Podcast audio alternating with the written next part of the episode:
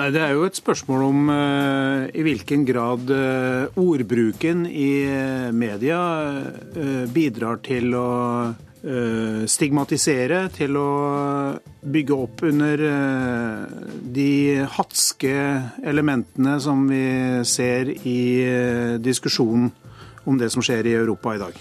Eller hvor forferdelige konsekvenser det har når man velger å bruke ord om andre mennesker som, som rotter, kakerlakker, altså dehumaniserer mennesker, da er veien fryktelig kort, også for vanlige mennesker, til å gjøre helt usannsynlig onde handlinger. Bevisstheten, altså medvetet om dette, er varierende. Det betyr at en del journalister er klar over dette spelet som meldes med en gang du bruker ord. Med en gang du setter ord i omløp, så skal du vite at det nesten ved alle ord ligger forestillinger som trekker i positiv eller negativ lei. Men det store grosset av journalister dessverre tenker nok ikke over dette. Kurer. NRK P2. Look, this is very testing, I accept that, because you've got a swarm of people coming across the Mediterranean seeking a better life, wanting to come to Britain because Britain has got jobs, it's got a growing economy, it's an incredible... Denne uttalelsen fra den britiske statsminister David Cameron, gitt til det engelske TV-selskapet ITV i sommer, hvor han beskrev en sverm av migranter som krysser Middelhavet, vakte internasjonale reaksjoner. Men den britiske statsminister er ikke alene om å bruke ladede ord om flyktningsituasjonen i Europa. Bernt Olufsen er tidligere ansvarlig redaktør i VG. Nå er han bl.a. mediekommentator i samme avis. Han mener media har et spesielt ansvar, og minner om at ord er et mektig våpen, og medienes ordbruk kan være egnet til å påvirke opinionen. Nei, Det er jo et spørsmål om uh, i hvilken grad uh, ordbruken i uh, media bidrar til å stigmatisere, til å bygge opp under de hatske elementene som vi ser i diskusjonen om det som skjer i Europa i dag. Ja, Du har jo skrevet uh, i din egen avis uh, en, uh, en, kommentar der du bl.a. sier at skal land i Europa dele på byrdene av flyktningkatastrofen, eller skal vi dele på ansvaret? Det er forskjell i de ladede ordene her. Ja, det er stor forskjell, og det illustrerer på en måte problemstillingen for mediene her. Det var en finsk kollega av meg som stilte dette spørsmålet nylig. Og det fikk meg til å tenke nærmere over dette. For det som skjer nå i Europa, er jo på et vis noe av det samme. Den samme utfordringen som møtte et ødelagt Europa etter andre verdenskrig. Det er den største flyktningkatastrofen siden den gang. Og det er klart at det kaller på ansvar eh, fra de europeiske landenes side eh, når man er vitne til hva som har skjedd i Syria de siste fire årene. Og selvfølgelig følger det noen eh, byrder med det ansvaret, men det er jo ikke uvesentlig hva slags merkelapp, hva slags ord man setter på dette i media. Eh, hva vil du si om bevissthetsnivået, som, slik du ser det når det gjelder den norske pressen? Jeg tror det bevissthetsnivået er eh, stigende, for å si det sånn. Men det er jo også et spørsmål i hvilken grad vi tillater debattantene, politikerne, å benytte seg av eh, ord og uttrykk som kan gi grobunn for hat. Der er det mye ubevisst ordbruk. Vi Eh, ser nå eksempler på at eh, man snakker om eh, at vi kan vente oss en invasjon av flyktninger over Europa. Det snakkes om at det kommer en flodbølge av innvandrere over Middelhavet. Det snakkes til og med fra ansvarlige politikeres side om svermer av asylsøkere Eh, det var jo ordbruk som den britiske statsministeren eh, brukte i sommer.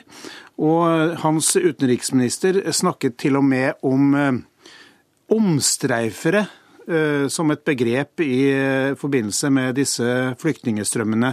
Og det er klart at det setter i sving mange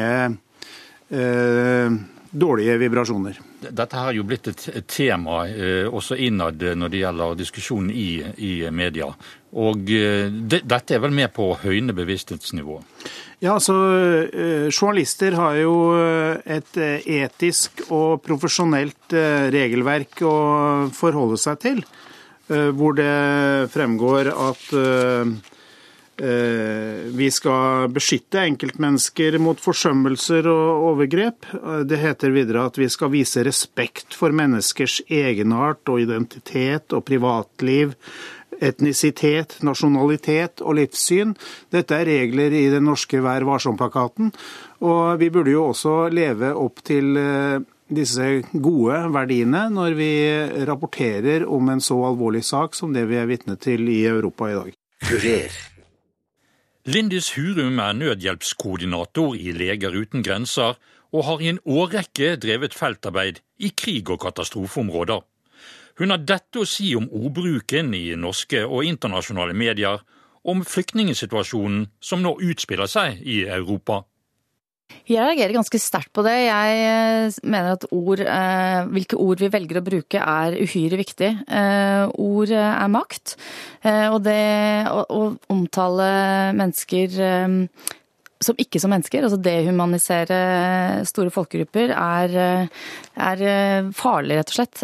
Det er første steg til å la være å bry seg. Eh, og omtale mennesker som da som swarm, eller som en strøm, eller som enda verre ting, som, som, som rotter eller terrorister, eller eh, ting man kan også lese i kommentarfeltet, er, eh, rett og slett farlig.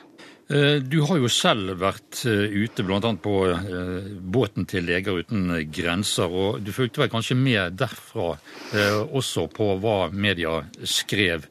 Hvor sterkt var det? Det var veldig sterkt, fordi der var jeg så tett på eh, veldig mange, hundrevis, eh, av disse menneskene som, som, nå er på flukt. Eh, og da er det jo eh, hele mennesker som står foran meg med, med sin unike historie. Eh, og da å lese og høre at de blir omtalt eh, på en veldig uverdig og menneskelig måte, reagerte jeg veldig sterkt på den gang, og gjør jeg fortsatt. Du har jo også reagert på hvordan enkelte politikere blir referert eh, i, i media.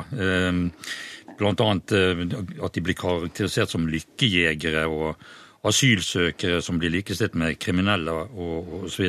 Mm. Mener du at media burde si, sensurert de uttalelsene som kommer fra politikerne når, man, når de bruker slike ord og uttrykk? Nei, overhodet ikke. Jeg er ikke for sensur og absolutt for ytringsfrihet. Men at det skal man stille spørsmål ved det, øh, og at det må utfordres, det, det syns jeg er veldig viktig. Jeg prøver konsekvent å omtale disse menneskene som mennesker, som fedre, bestemødre, lillesøstre, og ikke som lykkejegere eller migranter eller flyktninger for den saks skyld. Det er veldig, veldig viktig å se at det er enkeltmennesker vi snakker om. Og først da vi bryr oss, og det er det er først da vi vil jobbe for eh, en, eh, en løsning eh, og ta fatt i problemet. Og jeg reagerte jo da på, også på at jeg oppfattet at å være asylsøker, og det å, som altså er en grunnleggende menneskerett for oss alle, plutselig hadde en negativ klang fått. Og da må jeg, og jeg håper også mange med meg, må reagere på det. Det er ikke negativt å søke asyl. Det er noe vi alle har rett til å gjøre. Eh, du sier jo selv i, et, eh, i, en kronikk som du har skrevet sammen med en annen medarbeider i, i Leger uten grenser, at en velferdsstat uten medmenneskelighet har ingen verdi. Og denne såkalte medmenneskeligheten kommer jo veldig ofte til uttrykk gjennom media. Er ditt inntrykk at media på en måte har klart å, si, å rehabilitere seg selv, og at man går inn på, på mennesker i sin dekning av, av det som nå skjer? Ja, jeg har sett en, eh, en, endring. I løpet av de ukene jeg var på båten, så var det jo en, absolutt en, eh, en, markant endring, vil jeg si, også når jeg kom hjem til en slags bølge av solidaritet. Eh, og hvor også nå jeg ser at media etterstreber å vise enkeltskjebner og, og snakke om medmenneskelighet, verdighet, humanitet. Og det er jeg veldig glad for. Det er, det er veldig viktig å bruke disse ordene, og bruke de ofte og bruke de riktig. Dette er en hjertesak for meg, at det, hvilke ord vi bruker syns jeg som sagt er uhyre viktig. Jeg, har, jeg, kan fortelle at jeg har jobbet um, eller fordi jeg har sett det på nært hold også. Jeg jobbet uh, i Sentralafrikansk republikk uh, når uh, borgerkrigen der starta, og var der i to måneder og så den eskalere. Og jeg så hvor viktig det var, eller hvor forferdelige konsekvenser det har når man velger å bruke ord om andre mennesker som, som rotter, kakerlakker, altså dehumanisere mennesker. Da er veien fryktelig kort, også for vanlige mennesker, til å gjøre helt usannsynlig onde handlinger sa Lincy Hurum, nødhjelpskoordinator i Leger uten grenser. Jens Emelund Kjeldsen er professor i retorikk ved Universitetet i Bergen. Han mener media her hjemme stort sett har hatt et sobert språk i forbindelse med sin dekning av flyktningsituasjonen i Europa. Generelt så syns jeg pressen har vært ganske flinke til å benytte ordene som er passende. Det er klart, Noen ganger så bruker man ordet migranter, noen ganger bruker man ordet uh, asylsøkere, og noen ganger bruker man ordet flyktninger. Men jeg syns at den norske pressen har vært uh, ganske gode på å gjøre det så godt som mulig for å bruke de mest passende ordene i den pågjeldende situasjonen. Uh, har du fulgt med også internasjonalt hvordan man har brukt ord og uttrykk der i forbindelse med dette? Ja, Danmark, der er tonen jo, hvor jeg kommer fra, der er tonen alltid noe hardere. Men selv her syns jeg man begynner å få en, en, endring i tonen. Det mest åpenbare eksempel det var jo øh, David Cameron, som i juli snakket om flyktninger som kom fra Calais i Frankrike og reiste mot uh, England, og kalte dem 'a swarm of migrants'. Og Det var jo et veldig uheldig ord for en sverm av migranter. Det er jo et ord som er med til å umenneskeliggjøre flyktninger. Fordi en sverm det er jo vanligvis noe som kommer som insekter eller små dyr i store mennesker, og gjerne truer, truer menneskene.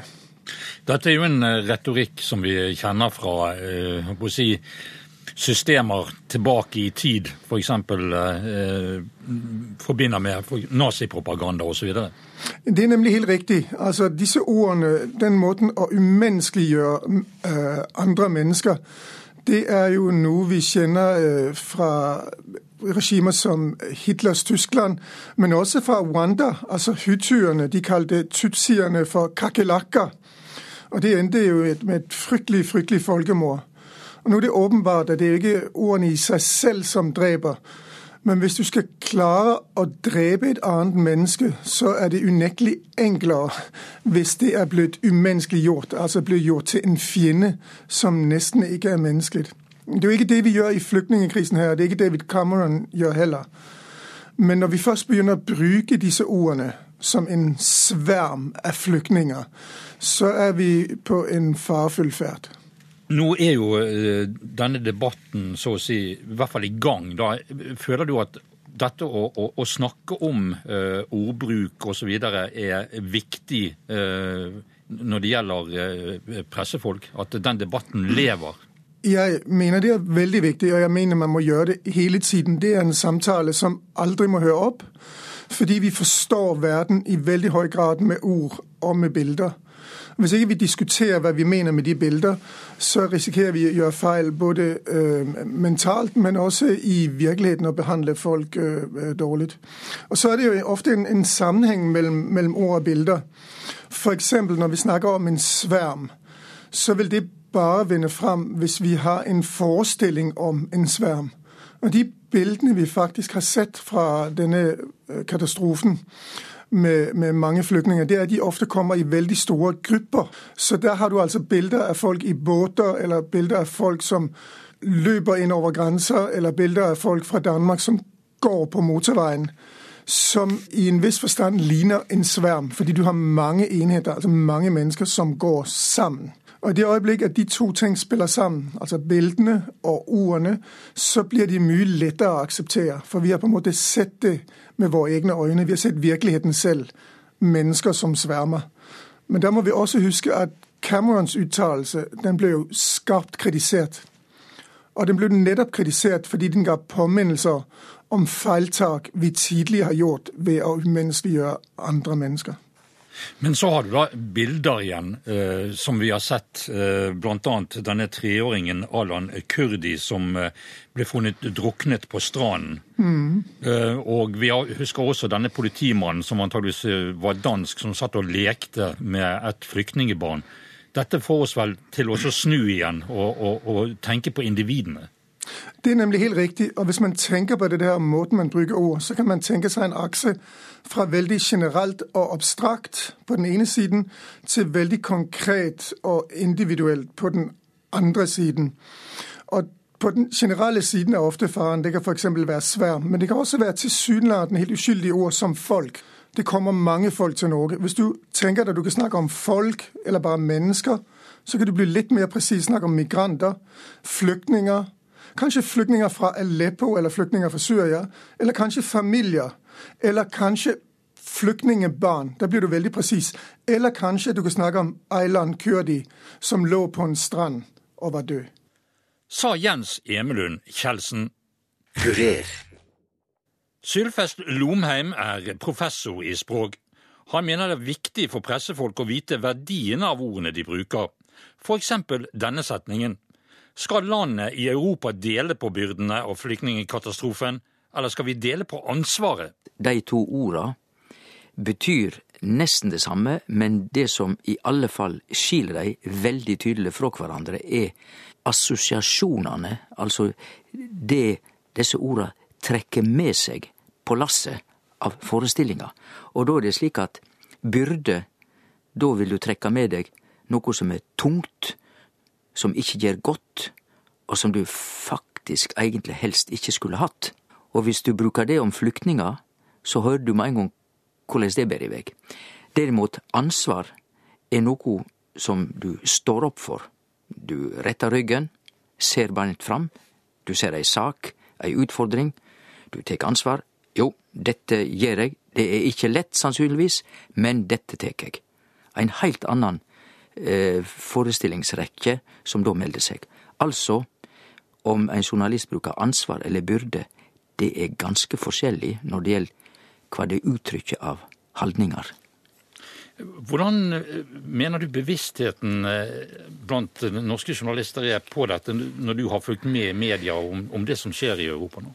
Ja, da er jo det enkle svaret at bevisstheten, altså medvetet om dette, er varierende.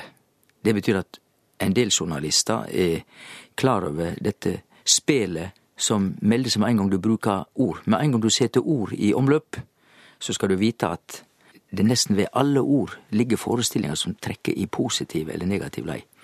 Men det store grosset av journalister dessverre tenker nok ikke over dette. Etterlyser du en debatt i media om medias måten man dekker dette på når det gjelder språkbruken? Ja, jeg etterlyser jo egentlig debatt eller medvitt kontinuerlig i alle viktige spørsmål når det gjelder hva slags ord vi bruker, og i den store saka her med den enorme straumen av flyktninger, og da merker du at jeg sa straum og ikke bølge, for eksempel. For ei bølge er jo knytta til nesten flaum, og det er negativt. Og vi skal ikke omtale den flyktningstraumen, de tusenvis av mennesker som nå flytter på seg, som ei, ei bølge som vi helst bør flykte unna, og kanskje er det negativt. Men at det er et stort og veldig vanskelig spørsmål for ja, heile verda, det som skjer nå, det er jo klart det er det. Vi har også uttrykk som sverm av flyktninger gjennom Europa. Det er også et veldig negativt ladet uttrykk. Ja, uff, da.